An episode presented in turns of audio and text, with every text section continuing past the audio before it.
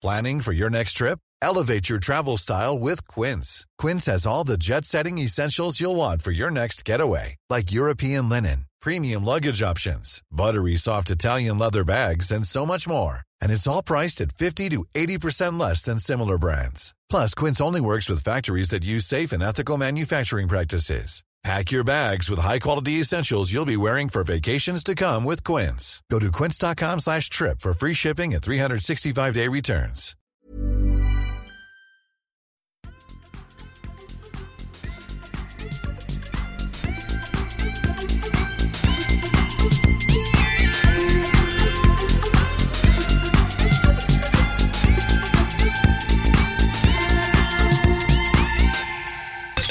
Hallå folket och välkomna till veckans avsnitt av Kedja ut en podcast om discgolf med mig Nicke Nyman och Elina Rydberg och Mattias Nilsson.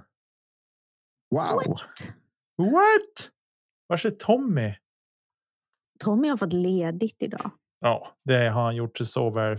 Han är så välförtjänt att få välför, nej, men han. Han har välförtjänt fått ledigt. Så ska vi säga. Men är det så då? Har han gjort något vettigt här tycker ni? Du Tommy, Nej, han gör mycket som vi inte vet för oss.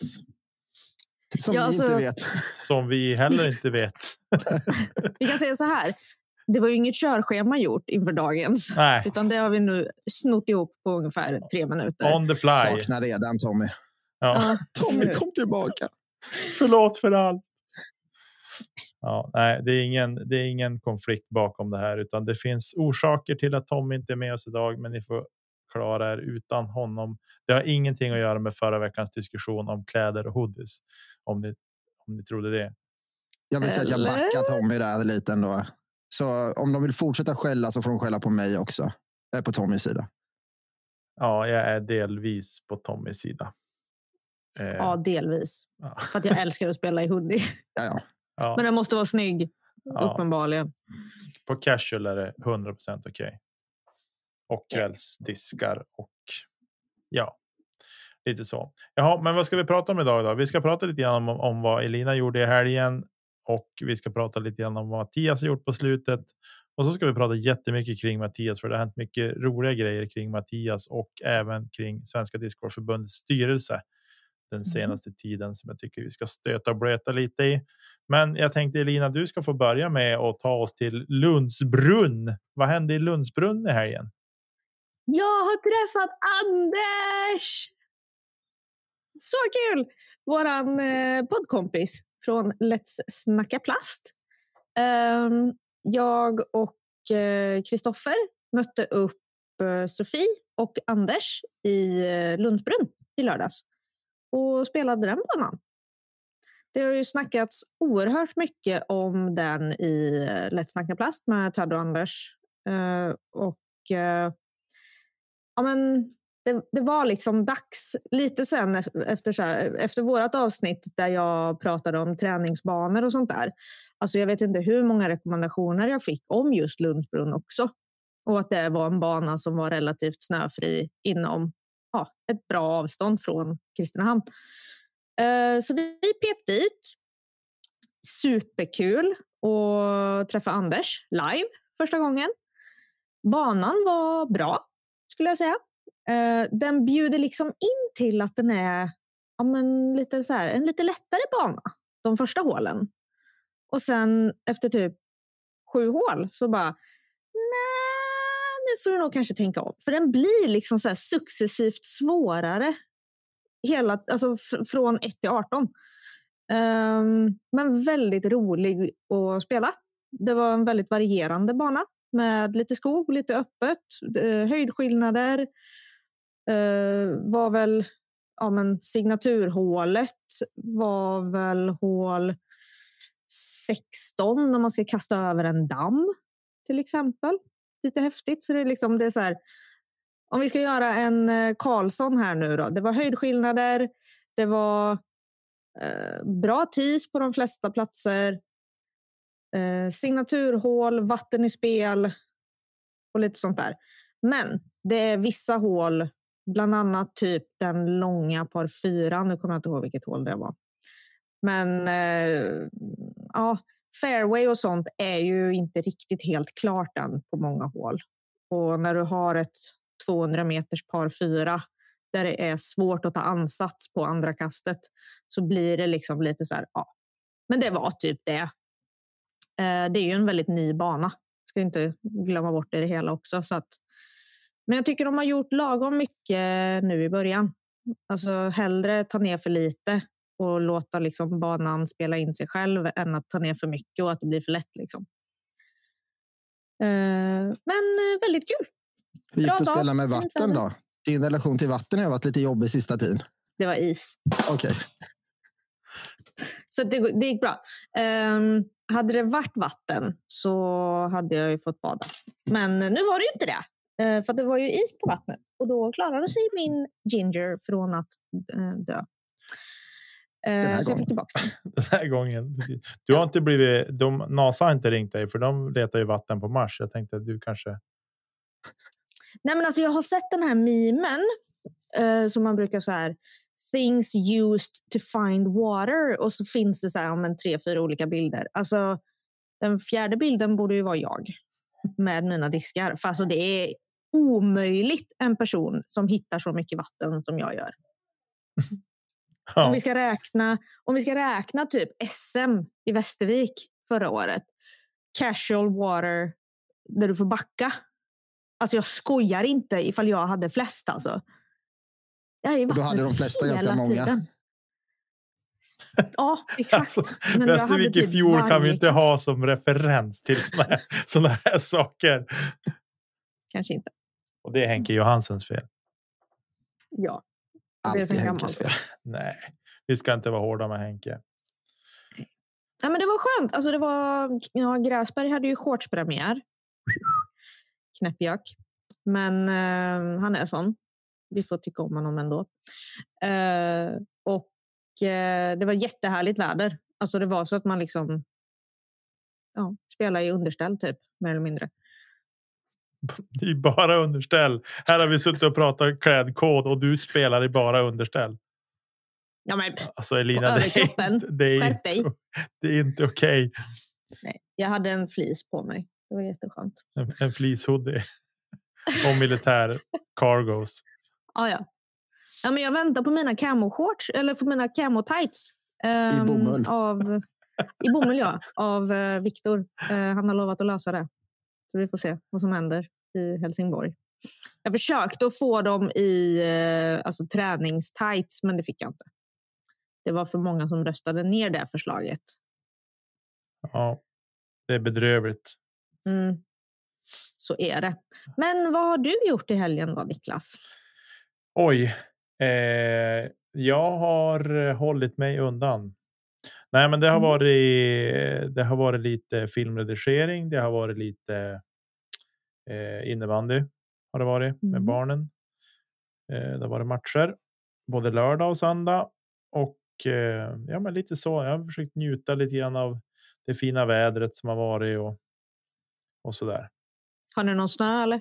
Eh, ja, men den dör fort nu alltså. Det är ju en 10-12 Är det grader varmt på dagarna nu och så blåser lite lätt också så att det. Det räntar på rätt bra faktiskt. Mm. Så att eh, jag ser fram emot och så har de skottat upp fotbollsplanerna också nu så att nu är konstgräset framme så nu kan man åka dit och kasta lite. Perfekt ju. Ja, eh, så att jag har nog tänkt kanske imorgon kväll kanske. Mm. Det blir ett besök där. Vi får se lite hur vädret är och hur kallt det blir och och så där. Eh, så det är väl som det jag har gjort i helgen och sen glömde jag också helt och hållet bort den där giveawayen som vi lovade i förra veckans avsnitt som skulle komma ut i fredags som kom ut idag när vi spelar in det här. Så Måndag. måndag så var Elina duktig och, och kastade ut det där så det var bra. Eh, Också en sån här grej när Tommy tar ledigt. Ja, precis. Eller Tommy lä- lägger över sånt ansvar på mig.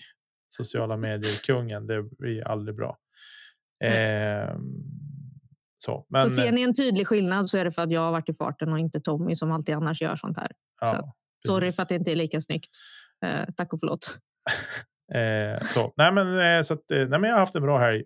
Eh, och vädret är ju verkligen med oss nu. Vi har fint väder här i Norrland för tillfället. Och så. Eh. Mattias då, vad har du gjort i helgen? Ja, Jag försökte få mina barn att inte bryta nacken. De har lärt sig att stå på händer och så var de hos mig i helgen här. Så att det har gått ut på att försöka liksom få dem att vara lite försiktiga och vara rädda om sig själva. Och sen har jag kastat lite. Jag var lite på fält och kastat lite och puttat lite i söndags kväll. Ja. Ska inte säga att jag har fått ordning på några saker, men i alla fall testat att kasta lite. Ja, Och det är tidigt för mig. Det här är ju fortfarande vintersäsong, liksom, men jag har varit ute ändå. Ja inte du, typ, det är ett gäng av eh, det lite eh, äldre gardet som är lite så här, så här juli, augusti någon gång. Då börjar ni tida fram och gnälla och klaga över att säsongen är kort. Ja, lite så. Ja, men alltså, man börjar kasta i juni och så börjar man hitta formen i slutet på juli, början på augusti och sen blir det höst och sen är det i det igen. Precis. Det är typ du och Larsa Ja, som är lite, lite lika så. Ja, men det lät ju ändå som att, som att du har haft en, en helt okej helg. ja då, absolut. Eh, så. Eh, ja, men vi, vi kastar oss rakt in i hetluften tänker jag på en gång. Eh, så det var nyligen årsmöte för typ en och en halv vecka sedan, eller lite drygt en vecka sedan var det årsmöte för, för Svenska Discgolfförbundet. Eh, vad kan du berätta kring det? Hur gick årsmötet? Men det gick bra. Våra årsmöten är ju ofta ganska smidiga. Det, det är inte så många som dyker upp på de här och vi försöker förbereda dem så mycket vi kan innan så att det inte ska bli så mycket liksom krångel utan att det kan bli en del diskussioner och sådär. Men det får inte liksom dra ut på tiden för årsmöten är inte kul. Så då måste man försöka få dem att flyta på så smidigt som man kan. Mm. Och nyheter där framför allt är väl vi har en ny styrelsemedlem, Fredrik Widborg, som ersätter Pontus Welin. Mm. Fredrik är ju från Linköping. De som har varit på tävlingar där de senaste åren känner igen han lite som TD och han är även ordförande i Linköping. Mm. Eh, ett bra namn tror jag. Jag tror att utan att sätta för mycket press på honom, att han kan i framtiden ta över min roll som ordförande.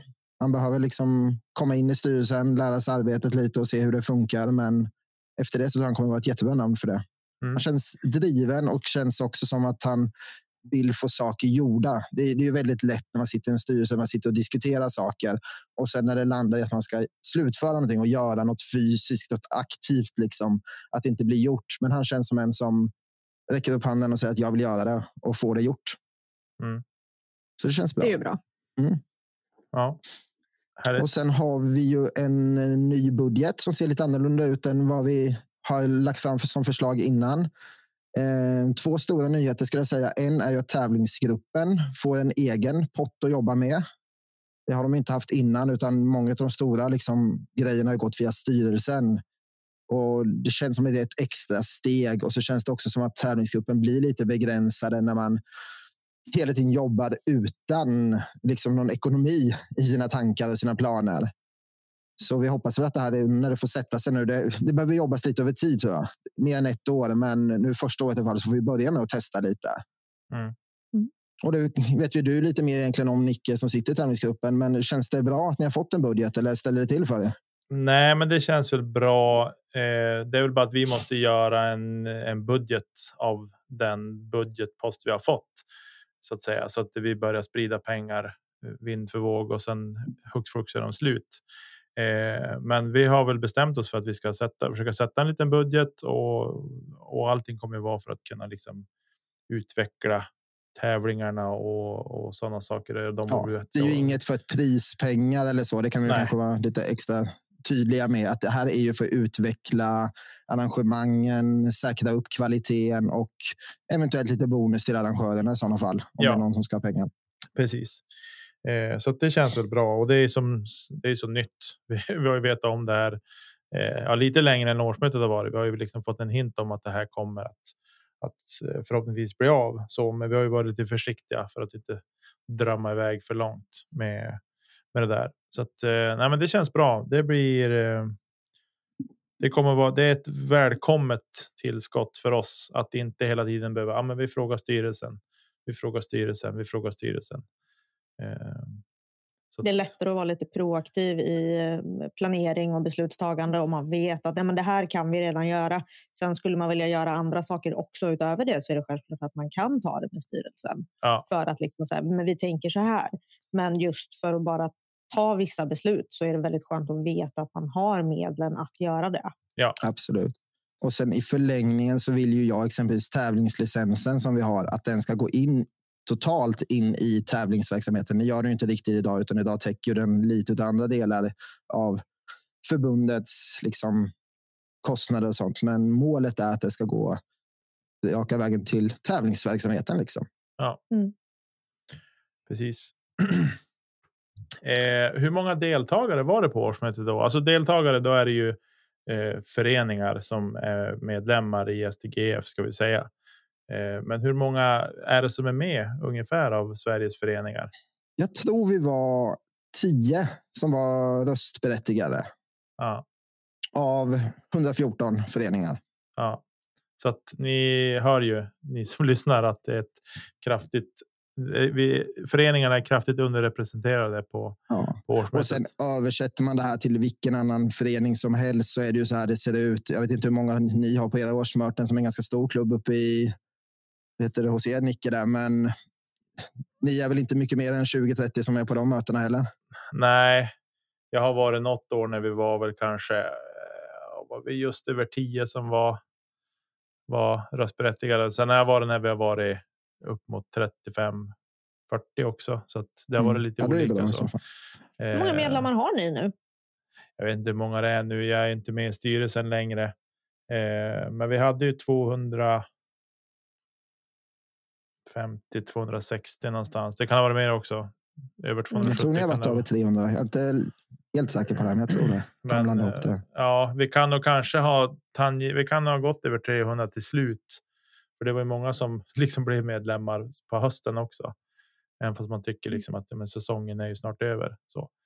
Eh, men eh, stor klubb, men det är ju många som blir medlemmar bara för att stötta också. För att de inte vet annars hur de ska stötta för banunderhåll och sådana grejer. Utan då blir de medlem liksom för att stötta den vägen med medlemsavgiften. Då. Men sen är det så, alla föreningar har inte haft årsmöten än. Man kan ju skicka med att det är jättebra faktiskt att gå på sina årsmöten. Jag förstår att många är rädda för att åka på en roll, att gå till årsmötet och få en position de inte vill ha. Men om man då gör lite så som vi jobbar, att man försöker förbereda allting innan. Att alla platser finns ett förslag på. Då kan folk också våga sig dit utan att få något som de inte vill ha i knät. Liksom. Mm, Mm. precis. Så, och det är också lite där, en av de andra budgetgrejerna då är ju verksamhetsansvarig som är en tjänst som kommer få betalt för Svenska Discgolfförbundet. Mm, ungefär en 40-50 procents tjänst och det är första gången Svenska Discgolfförbundet har någon avlönad. Vi har ju en kanslitjänst som vi delar med de andra grenförbunden och Svenska Frisbeesportförbundet. Och det är Svenska Frisbeesportförbundet som är arbetsgivare för den kanslitjänsten. Men det här är ju vårt egen personal som vi ska betala. Mm. Och där gjorde vi så att vi la ut lite innan årsmötet på Ska vi snacka discgolf och vår egen Facebook för att få lite diskussion och få in åsikter och tankar kring det. För att det är ett ganska stort beslut som påverkar ganska mycket av verksamheten och även delvis trovärdigheten av verksamheten om man smyger med det på ett årsmöte med tanke på att det är så lite folk som är på årsmötet. Mm. Mm. Och Det var därför det var ganska viktigt för oss att få ut det och få igång diskussionerna innan också så att de som ville protestera fick en bra chans att protestera Mm. Och- också hinna anmäla sig till årsmötet. Precis. Men det var liksom inga konstigt. Det var en bra diskussion på årsmötet. Jag tror alla fick svar på det, de frågorna de hade.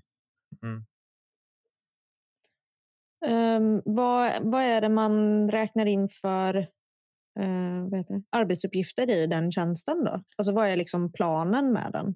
Det handlar ju framförallt om att utveckla eh, Svenska Discgolfförbundet, utveckla svensk discgolf, försöka få oss att bli en etablerad sport. Just nu, eller idrott, just nu är vi ju ganska stora. Vi räknas ju som ett medelstort idrottsförbund hos Riksidrottsförbundet. Vi får ganska mycket mer pengar än vi fick för några år sedan. Så att det Mm. liksom börjar hända saker. Men det gör ju också att det sätter mer press på oss att faktiskt ta hand om de föreningarna som finns, alla medlemmar och också då försöka utveckla, få igång träningsverksamhet ute i klubbarna. Alltså det som skiljer discgolf mot annan, många andra idrotter är Mm. att vi startar våra klubbar för att vi ska få en bana på vår ort. Det är liksom grundgrejen. Vi har inga föreningar som startas för att ta hand om ungdomar. Det finns liksom inga sådana mål.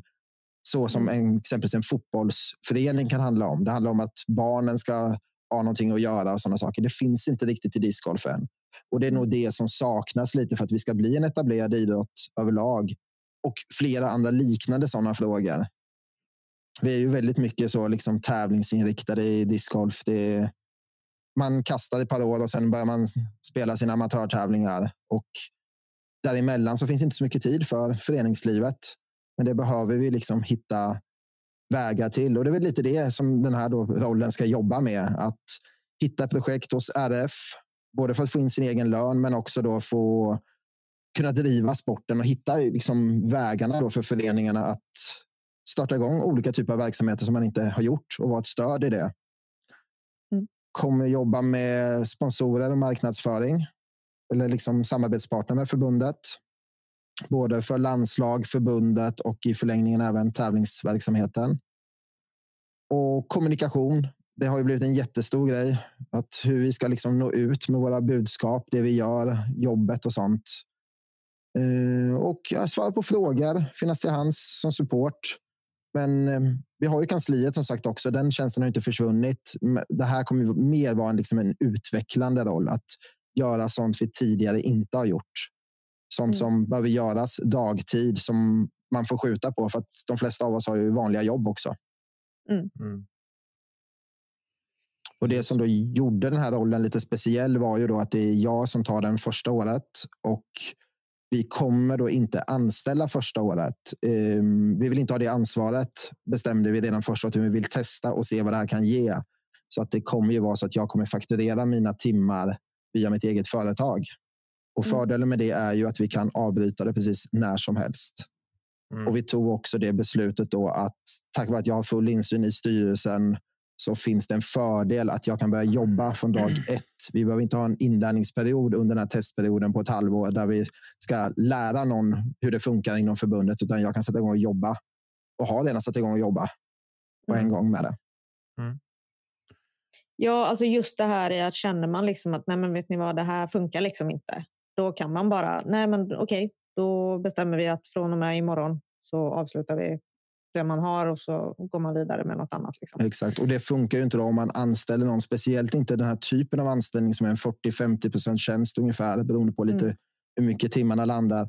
Det är en ganska stor grej om någon ska säga upp sig och leta upp en halvtidstjänst eller säga upp sig från sitt jobb och ta en halvtidstjänst och sen bli av med jobbet efter ett halvår för vi märkte att den här rollen behövdes inte eller det funkar inte så som vi hade tänkt. Mm. För det bygger mycket på att vi får våra projekt från RF och det vet vi ju inte i förväg. Liksom. Vi har ju ansökt lite och det finns lite, vi kommer att prata om det kanske lite senare, vad som är på gång. Men det är test och jag tror testet kommer pågå ett år i alla fall. Och så får vi göra en liten utvärdering inför nästa årsmöte.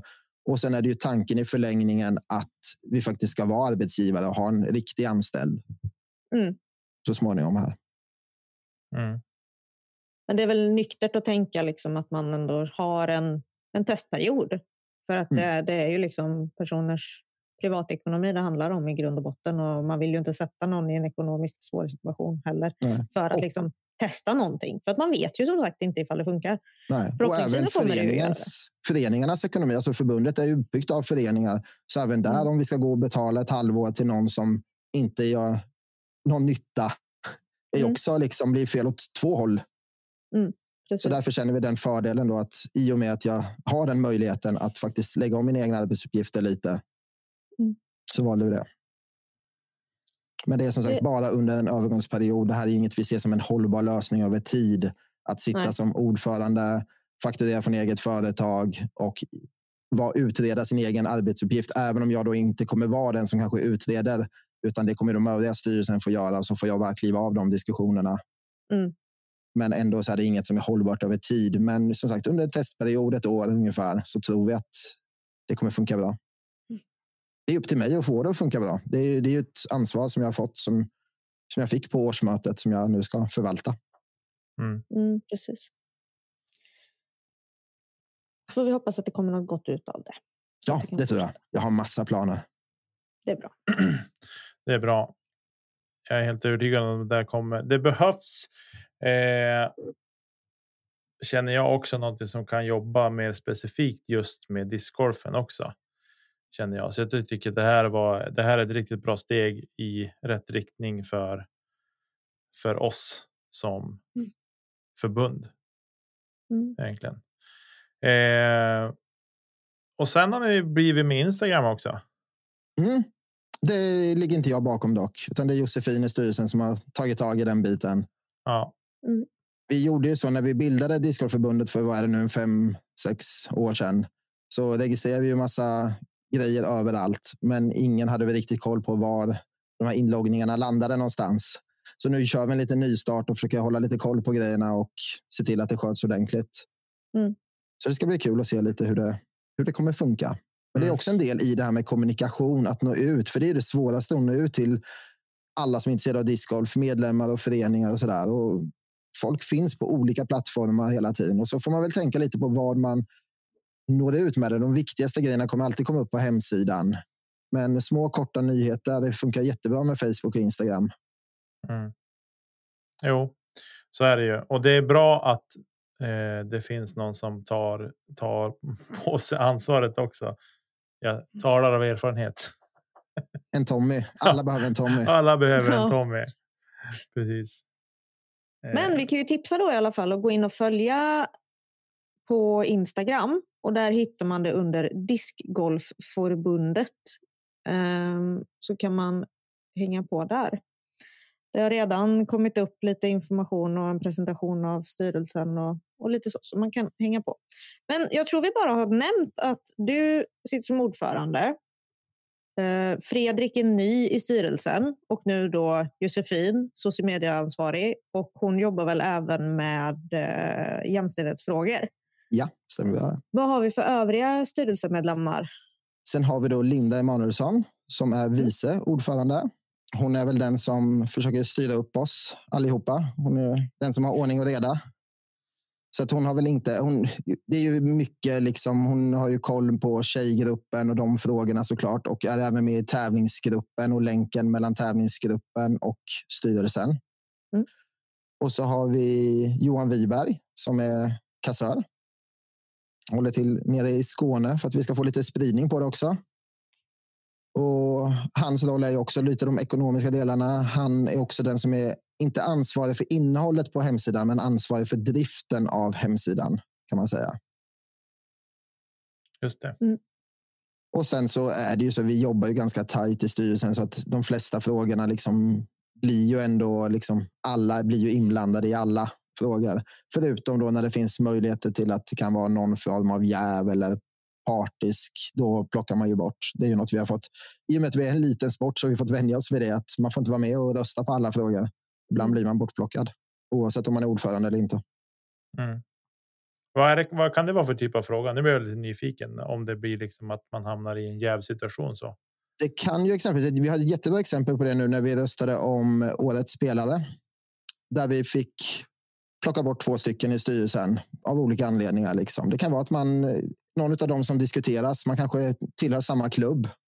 Och då blir det ju en jävsituation oavsett hur man vrider och vänder på det. Det, det är inte bra att man röstar om sina egna klubbmedlemmar eller liknande. Mm.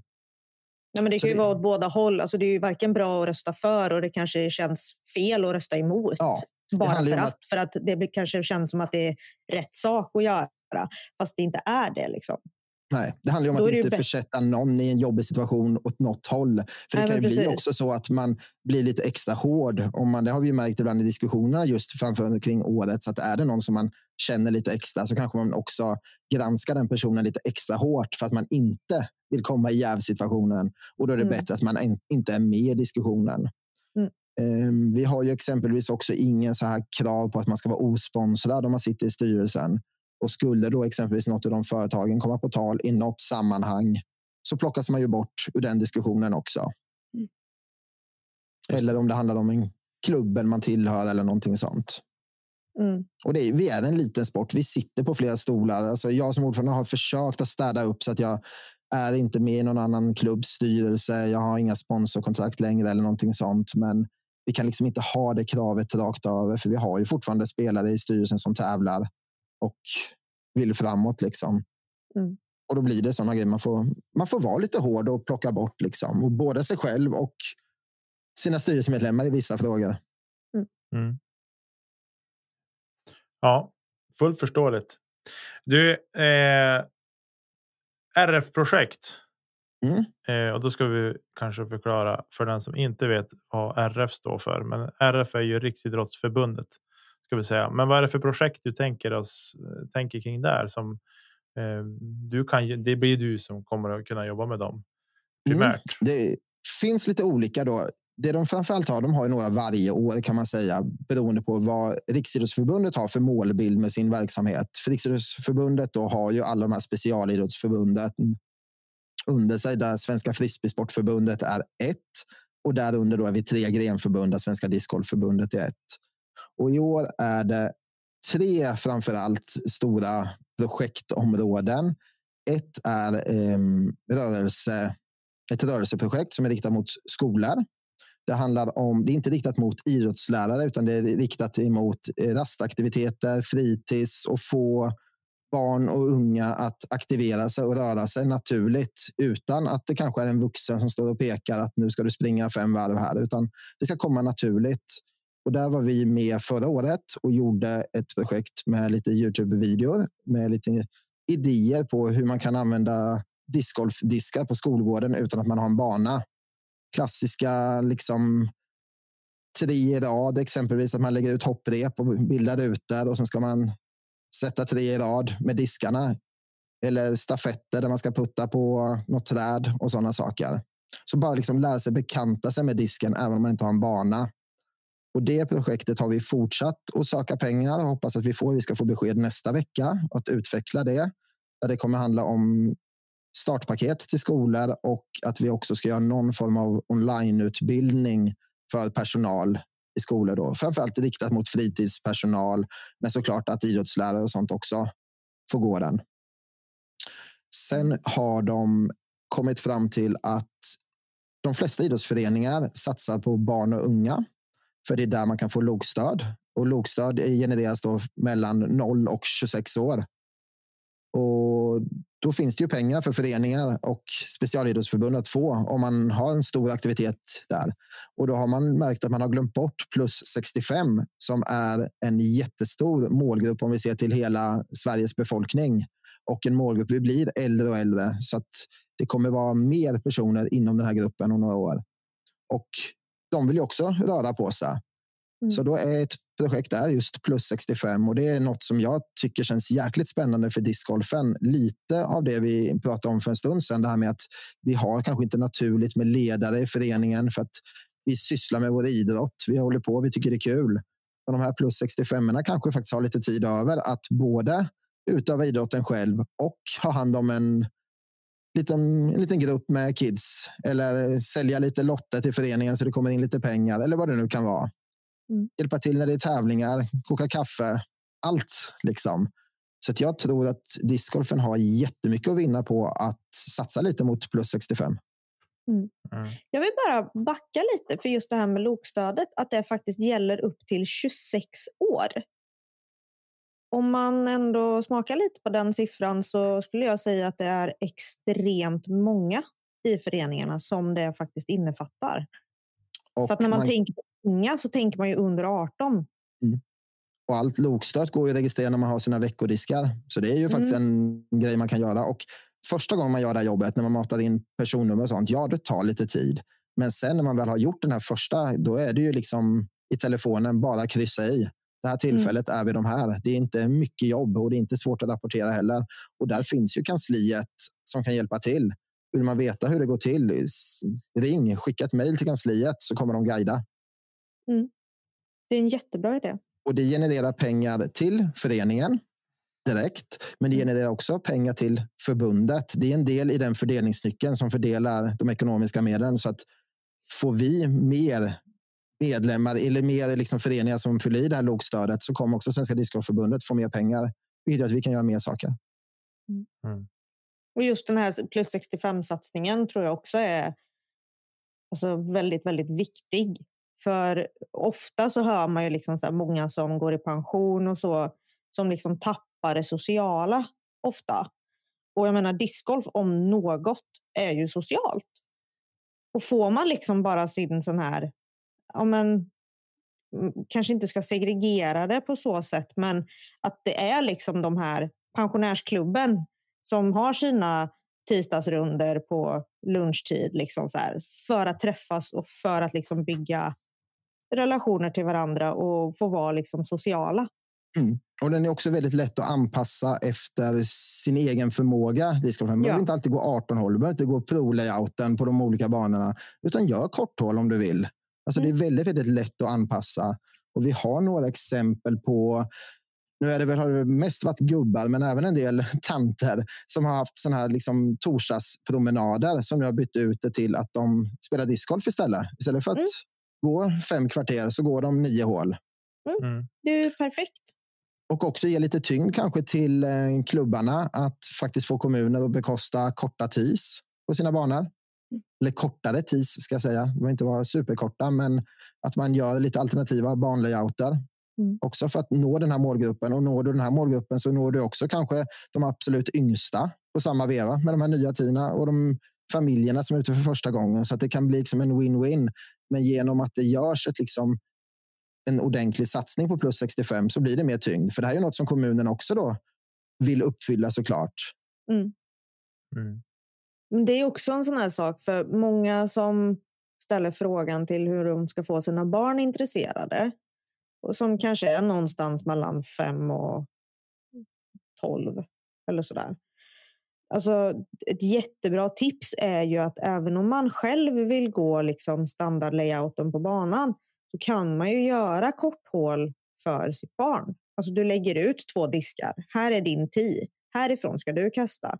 Och så kanske göra så att de faktiskt når korgen på två, tre kast. Mm. Liksom. Absolut. Och då kan man också, liksom, det kan man ju faktiskt ha som träning. Det körde jag ju nu lite när jag sa att jag var ute på fält här med min yngsta. Att vi skulle kasta in i ett fotbollsmål och för varje kast jag gjorde så hade han fyra kast på sig. Mm. Och då blir det en tävlingsgrej. Alltså det blir ju även träning för mig i ett tävlingsmoment. För jag vill ju inte få stryk utan sjuåring. Det så lågt vill jag inte sjunka. Men han har ju helt plötsligt, de första kastet, där är vi ganska jämna. Men sen måste jag ju sätta min putt. För annars har han ju fyra kast på sig. Mm. Där, liksom. Så att det är en jättebra idé tycker jag. Och just för sin egen träning så behöver det inte vara dumt heller att göra det. Att man, man kan få in tävlingsmoment i det. Mm. mm. Om man nu är liksom att man vill träna för tävling och man har med sig barnen. Mm. mm. Men sen också kan vi vända lite på det. Det jag är lite rädd för är att det är många familjer nu som har börjat kasta där kanske föräldrarna efter pandemin och sånt börjar hitta tillbaka till sina tidigare aktiviteter. Men barnen är fortfarande tyckte det var jättekul och intresserade och att det inte finns någonting ute i föreningarna och klubbarna nu som liksom kan fånga upp de här barnen. Mm. Och där hoppas vi då liksom att få vi in mycket fler, liksom kanske lite äldre i, det, i liksom discgolfen och de kanske har en bakgrund från liknande grejer inom fotboll, hockey eller vad det kan vara. Så kanske de kan hjälpa till att fånga upp det här. Och Det behöver inte vara att de ska vara tränare. Det behöver bara vara kanske att de är ansvariga för att få saker gjort. Och så kan man dela upp den här tränarrollen mellan flera i föreningen. Mm. Mm, precis. Och sen kan vi inte bygga bollbanor överallt heller. Nej. Man kan köra boll med diskar. Det är jättekul.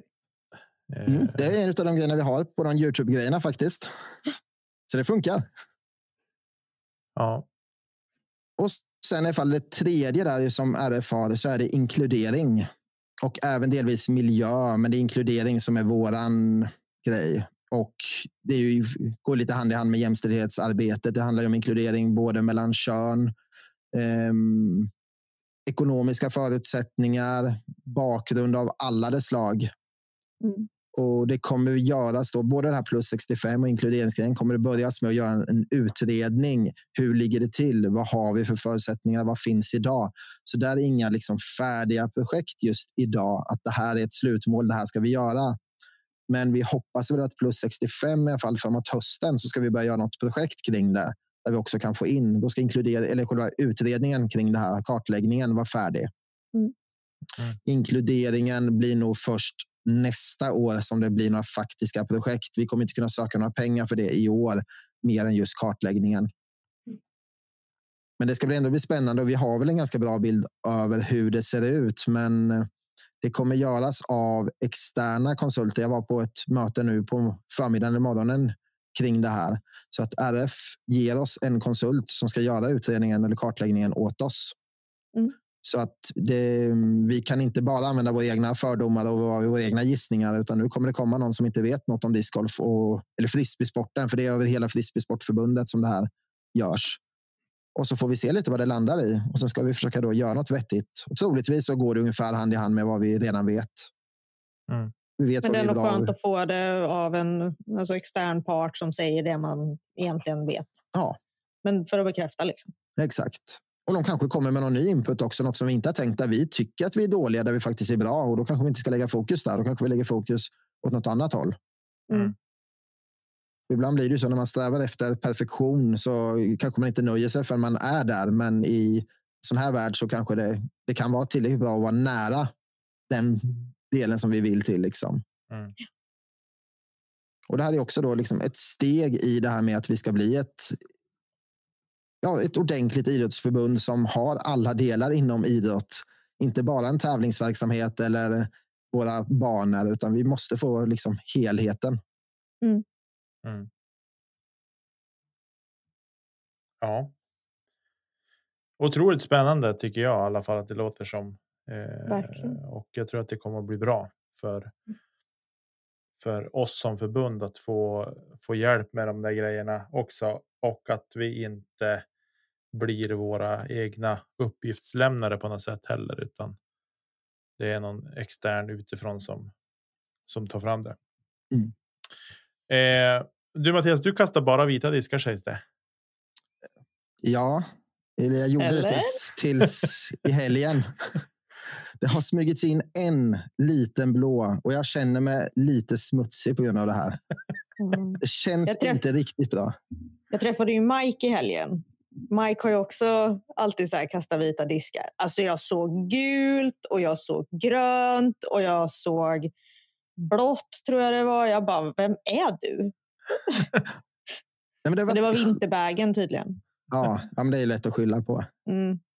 Ja, men det är så här, jag gillar ju vita diskar. Jag tycker det ser professionellt ut. Det är ett ordentligt redskap och de flyger ofta bäst för de görs ofta väldigt tidigt i processen. Det är liksom de här diskarna där tillverkarna har tar sig tid och liksom låta diskarna vila ordentligt och sådär.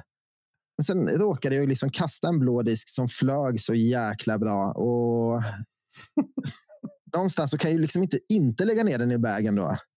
Vad var det som ens fick dig att tänka tanken och kasta den blåa disken? Men jag letar efter en fairway driver som är väldigt neutral i sin flykt, som inte liksom sticker iväg när den tappar fart. Mm. Det är ju, mina gubbar man kastar inte lika hårt längre om de någonsin har kastat hårt, tänkte jag säga. Det har de väl inte. Men det är så att när disken tappar fart så är det väldigt lätt om det är lite för snabb disk eller om den är lite för stabil eller understabil. Alltså liksom att det händer någonting när den landar. Och den här var väldigt, väldigt neutral liksom, i sin, den sista metrarna när den landar. Mm. Det var något jag, väldigt, jag uppskattade och något jag letade efter. Mm. Och, Och, Ja, så, det- det- och i Ferrari-plast dessutom. ja, exakt. Den är alldeles för blank och det, ja, jag vet inte vad det är egentligen. Jag mår väldigt dåligt. Jag, hoppas, jag tänkte att Elina som är duktig på att kasta i vatten skulle få låna den någon gång här. Men vi kan spela in en Youtube-video med den. Ja, exakt. Så Mm. behöver jag inte bekymra mig sen. Då är den borta. Vi De här diskarna till... brukar ju eh, sälja slut snabbt också. Och så ska man betala flera tusen lappar på nätet för att köpa nya sådana. Ah, ja. Ehm, nej, men vi kan åka till Tibro och så kan vi kasta den i forsen. Ja, det låter bra. Det är en plan. Ja, Behöver ändå träna på att undvika vatten. Men hör, ni, ingen av er är sådana med diskar, va? så det är enbart en färg? nej. Inte nu längre. Nej. Alltså, jag kan fatta grejen med det, men jag orkar inte. För att det är så jobbigt. Om man då hittar en liten, bara, åh, den här är så bra och sen han bara, nej, den är fel färg. Men det var det som har varit räddningen för mig lite också. För annars, eh, när jag liksom inte var sponsrad längre och skulle köpa nya diskar. Alltså det fanns ju inget stopp på det, men nu när det varit lite brist på diskar och då också inte alla funnits i vitt så har det blivit, ja, men då handlar jag inte. Då använder jag det jag har. Ekonomiskt. Ja, exakt. Så det har varit Men alltså- en bra grej. Det ligger någonting i det där. För att när jag kastade Prodigy förra året, då ville jag ju ha bara rosa diskar. Eh, och det var ju bra. För att jag köpte ju inte begagnat om de inte var rosa. Och oftast då när jag beställde från hemsidan så kunde jag ju trycka rosa. Och fanns de inte i rosa, nej men då tog jag inga. Det är Nej. liksom så, färdigt. Mm, Men nu spelar jag med mixad bag. Och jag har hittat diskar som inte görs enfärgade ens. Så det är så här, ja men den här är typ grön. Och bara, eh, nej, den är typ blå, grön, vit, rosa, lila. Så att, ja. Ja, Det var liksom och ingen tar man ett idé. tivoli. Ja, och sen så fick jag ju en testlåda med diskar. Och jag menar, där var en vit och en grön, en blå, en orange och en till orange och en rosa. Så man bara så här, äh, flippigt. Alltså jag orkar inte. Men sen så, alltså jag vill ju helst ha gula diskar. För att Alexanders favoritfärg är gul. Och så syns Och då- de bra i vattnet också. Exakt. Det gör även, eh, även eh, vita diskar ska jag säga. Ja, det är därför Matte har dem. För jag har sett han på par-SM kasta i vatten. Och det, var, det roliga där är att det var en röd disk. Ja, det var ser. kasta vattnet disk. Ja, När Shoutout jag och till Matilda spelade Marcus på... Hallbjörn. När jag och Matilda spelade Porscheheden i somras i Luleå. Då hade ju Matilda kastat vattnet disk eh, på hål ett där. Mm. Eh, som hon tokparkade med. Jag bara, du är inte säker på att den där ska ner i bögen eller? Hon bara, nej, nej, nej. Det är en ful disk. bara, ja. Ja, det är roligt. Ja, eh, ska du tävla någonting i sommar, Mattias? men någonting ska jag väl göra. Alltså, tanken är ju att jag ska börja kasta lite mer nu. Det kommer ju inte vara på liksom någon elitnivå, men att köra några liksom lite mindre tävlingar. Eventuellt par-SM. Om jag kan lura med någon. Det är väl liksom det som är målet i alla fall. Att någon mer tävling än vad jag gjort innan. Det Mm. börjar bli lite kul igen, men sen vill jag inte hamna i det här där man ska, måste prestera och leverera eller någonting sånt, utan man ska kasta för att det är kul. Men vi spelar par-SM för att inte prestera. Ja, men du såg ju våra kast på par-SM i vattnet. Ja, det är humor. Det, jag tycker det är roligt att du delar mer av det klippet ibland. Jag kan ibland behöva titta på det för att jag behöver också titta på det, för jag har några extra kilon runt magen just på det klippet. Så jag behöver titta på det och tänka att jag kan inte äta alla de här chipsen. Jag måste hålla emot lite. Så det är en bra påminnelse för mig också ja, Men och sen par-SM är ju väldigt speciellt och det är ju väldigt roligt. Alltså så här, det handlar inte om vad man gör själv utan det handlar om vad man kan åstadkomma tillsammans. Och sen kommer när vi väl spelar par-SM, det är inte så att man kommer liksom latcha bort tävlingen. Får man en plats så kommer man vilja göra någonting bra av det. Men kanske målet är inte liksom en topp 10-placering, utan får vi spelet att stämma, jag och min partner som jag i sådana fall kommer spela med, då kommer det vara liksom, det kommer räcka för oss. Mm. Att känner vi bara att ja, men vi, vi har gjort vårt bästa. Sen vad det räcker till, det är liksom ingenting. Men Mm. tidigare när jag tävlade ordentligt så var det ju hela tiden liksom pallplacering, pallplacering, pallplacering som räknades. Allt annat räknades liksom inte. Nu tror Mm. jag till och med jag skulle kunna vara nöjd med liksom en placering i topp 20 om jag bara kände att spelet var bra. precis. Du, du har nämnt ett par gånger. Det känns som att du vill prata om det, men att du har varit sponsrad. Vi, vilket Mm. företag har vågat sponsra dig? Kontraktet var på finska, så varken jag eller de förstod varandra. Prodiscus var jag sponsrad av i några år. Just det. Och Det då var, gick de från dig till Bengtsson och det känns som en rak övergång i det mesta. Absolut. Det, de, de, liksom, de gjorde en kometkarriär tack vare mig och fick helt plötsligt välja på mycket bättre spelare. Och så var det de Bengtsson. Ja, Ja. det är fint. Det gillar jag på något sätt ändå. Johansen var väl där va? Mm. Så att det började med att det var jag och Christian Sandström, som Mm. många känner till förr i tiden i alla fall, Mm. som blev eh, Prodiscus. Och sen kom Johansen ganska snabbt på där också. Mm. Och så var vi där ett gäng några år. Ja. Och, ja, ja, men det var några svenskar, ganska många svenskar en period som var Det, alla spelade ju i stort sett med någon form av mixed bag ändå. Jag tror att jag var den enda som spelade med enbart Prodiscus. Det är ändå bra gjort för de hade väl inte alla molds. Så vi hade, när jag började så det var tre modeller, eller fyra.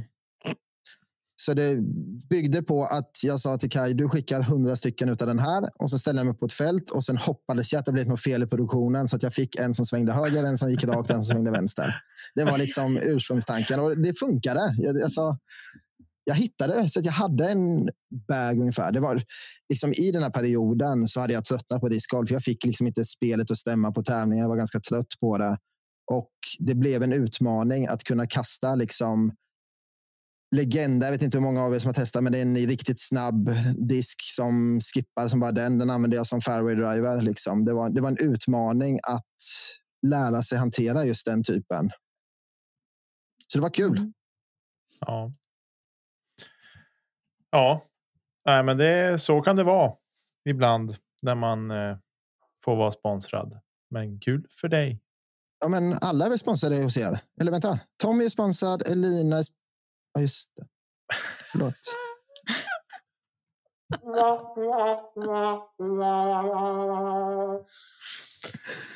Ja. Fast Tom, vad säger, Nikle spelar ju faktiskt för DG Events. Jag är med i ett team ja, Just det, men det är ju, ni är ju sponsrade allihopa. Mm. Så att jag får i alla fall vara med i ett team, så det får man väl vara, vara, vara glad för. Och så. Nej, men det är jag. är superglad. Jag är tacksam till Mellgren och allt han gör för sporten och såklart att jag får vara en del av, av det teamet. Ja, och alla ni är ju faktiskt bra ambassadörer för sporten. Nu låter det som jag sitter och fjäskar bara för att få med i ert, er lilla podd.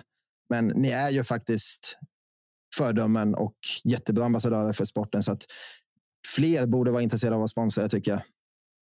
Ja, i alla fall sponsra podden tänker jag. Mm. Så med det sagt, bli Patreon. Då kan, man, kan, då kan alla vara med och sponsra. Mm. Och så, så vi kan hitta på och göra spännande bra grejer och utveckla och allt sånt. Eh, jag tänker inte att vi ska bli så långrandiga och, och tomprata en massa, utan eh, jag tänker att vi ska försöka runda av det här avsnittet. Vi kan ju eh. planera in nästa möte med Mattias redan nu då efter de här utläggningen vi fick på slutet. Ja, men Mattias typ. möten bokar vi på Discord när han tjafsar i liven till någon Pro Tour tävling.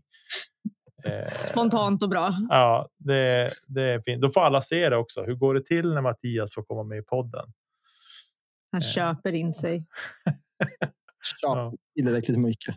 Kedja ut, sponsrad av herr Nilsson. Precis. Det var lite kul att haft en bild med en logga med herr Nilsson som hänger i en discgolfkorg. Alltså apan tänker jag på. Ja, eller eh, Mattias.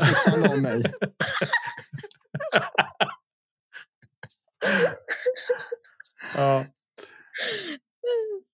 Humor. Oh, ja, nej, men eh, jag säger så här. Stort tack till Marcus Linder och Emil Lennartsson för jinglar och grafik. Jag säger stort tack till alla våra Patreon såklart och till alla lyssnare där ute i etern. Och stort tack till Mattias som ville vara med idag. Mm. med kort varsel ska sägas. Eh, och tack till dig Elina igen för det här mm. eh, exklusiva körschemat som är gjort on the fly så att säga. Eh, Vi har. Ja, det är inte många rader. Mm. Nej, inte många tecken. inte många tecken heller. Eh, och så. Och eh, ha en fin vecka där ute. Och på fredag runt 18 snåret. Vi tror, jag och Elina, efter att ha pratat idag, att det är mellan runderna på Disc Golf Pro Tour tävlingen. Texas State Championship tävlingen. Eh, mellan FPO och MPO. Så då kommer en livesändning på Instagram där vi drar en lott, eh, lottvinnare en giveaway vinnare till den här fina Latitude 64 Flow Linus Karlsson signerade disken mm. som är sponsrad av Anheuser. Och vill ni vara med i giveawayen så går ni in på vår Instagram, kedja ut och eh, följer reglerna. Står i inlägget. Jättebra. Och eh, tack till Isak på Anheuser för samarbetet i den här giveawayen. Mm. Uh, som sagt, nu har vi inte snackat upp Texas State Championships, men de spelas ju faktiskt kommande helg. Um, så vi får väl bara ta en rundown på det. Ja. Det är lite lost på bana, så det är lite svårt att snacka upp det också. Heja Europa säger vi. Ja, det säger vi. Det är en helgardering. Och ni som inte har kollat The Open at Belton. Kolla åtminstone eh, finalrundan FPO kan jag säga. Oh My God, vad spännande det var. Eh, lite framåt slutet, men in och kolla på eh, ja, spännande runda. Och tack Nicke för vecka efter vecka. Varsågod. Tack för ord. Och Mattias, vad ska du försöka att inte göra nu när du står och puttränar då? Julglasögon. Eller kedja ut kanske. Förlåt. Hej då! Hej då.